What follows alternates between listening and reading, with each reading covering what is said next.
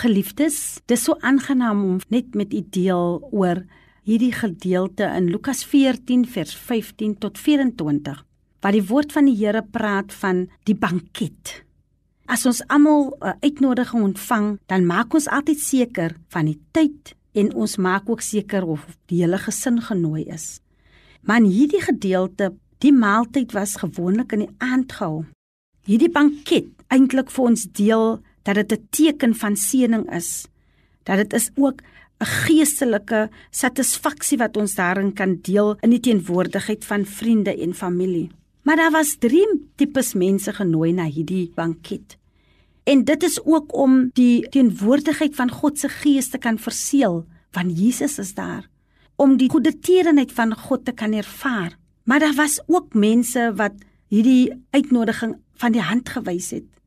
En soms gebeur dit met ons ook dat ons uitnodigings uitstuur En dan is daar mense wat op die laaste oomblik vir ons teleurstel en hulle daag nie op nie.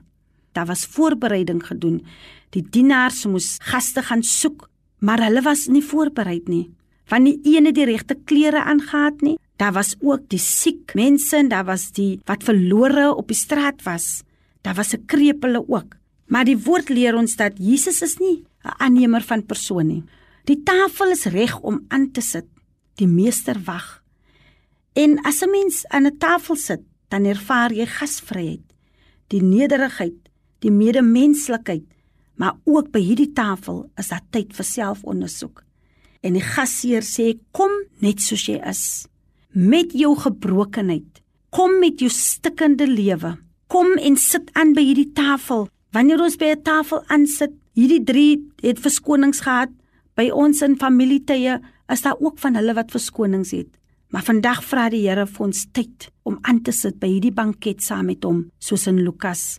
Hy vra dat ons nie die tafel moet verwerp nie en wanneer ons verskonings aanvoer, dat ons dalk net dink dat ons mis dalk 'n belangrike oomblik van Jesus is daar. En vandag vra ons dat die Here Jesus Christus in sy gees ons sal leer om op te groei sodat ons nooit hierdie oomblik sal mis soos die wat verskonings aangebied het nie. Kom na die Vader Hy wag vir jou. Liewe Vader, dankie dat ons na U toe kan kom terwyl U vir ons wag by hierdie bankettafel. Dankie dat U ons aanneem net soos ons is, met ons gebrokenheid. U wil ons optel en ons aanneem. Ons dankie daarvoor in Jesus naam. Amen.